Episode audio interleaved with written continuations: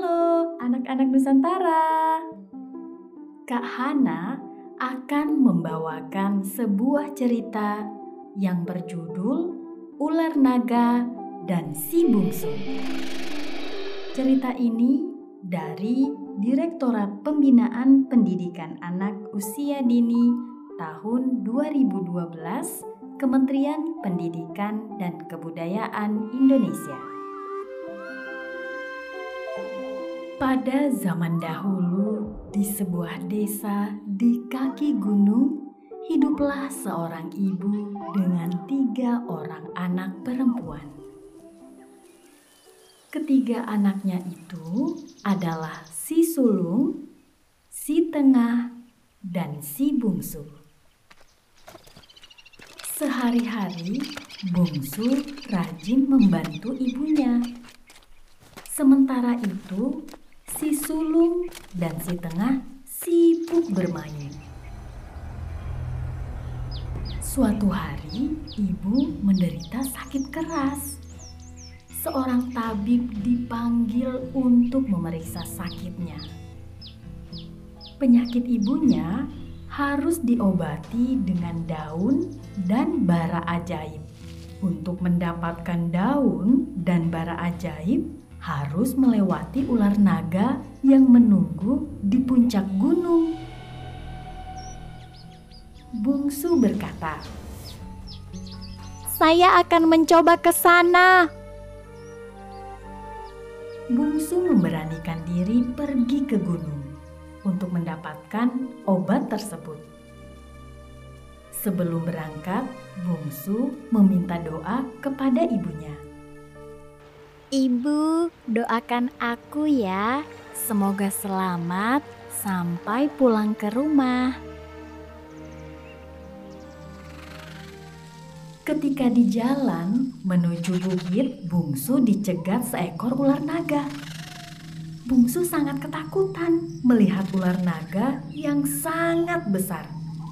Ia ingin berlari, tetapi ingat ibunya yang sakit membutuhkan obat. Walaupun takut, Bungsu memberanikan diri berbicara kepada naga. Naga bersedia memberikan bara ajaib kepada Bungsu dengan syarat Bungsu harus tinggal di goa dan menjadi saudaranya. Bungsu setuju dengan syarat yang diminta ular naga. Kemudian, ular naga itu memberikan bara ajaib dan daun yang diperlukan bungsu untuk obat ibunya. Bungsu berjalan pulang dengan tergesa-gesa. Ia merasa lega karena obat ibunya sudah didapatkan semua. Setelah tiba di gubuk tempat tinggalnya, Bungsu tidak sabar ingin bertemu ibu dan kakaknya. Ia lalu memanggil-manggil mereka.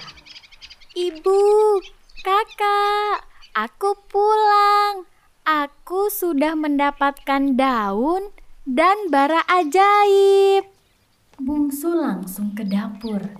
Ia menumbuk dedaunan hutan dan merebusnya dengan bara ajaib. Setelah ramuan direbus, dengan penuh kasih sayang, si bungsu meminumkan ramuan tersebut kepada ibunya. Setelah minum ramuan itu, ibunya pun sembuh. Bungsu menceritakan janjinya dengan ular naga. Ia harus segera kembali ke gunung. Keesokan harinya, si bungsu pergi ke gunung untuk menepati janjinya. Sesampainya di gunung, ia mendekati dan menyentuh naga. Anehnya, naga besar dan menyeramkan itu perlahan-lahan berubah menjadi seorang pangeran kecil yang tampan. Bungsu dan pangeran turun gunung untuk menemui ibunya. Mereka menjadi saudara dan pindah ke istana. Demikian cerita ular naga dan si bungsu dari Kak Hana. Sampai bertemu lagi. Terima kasih. Semangat. Sampai jumpa besok.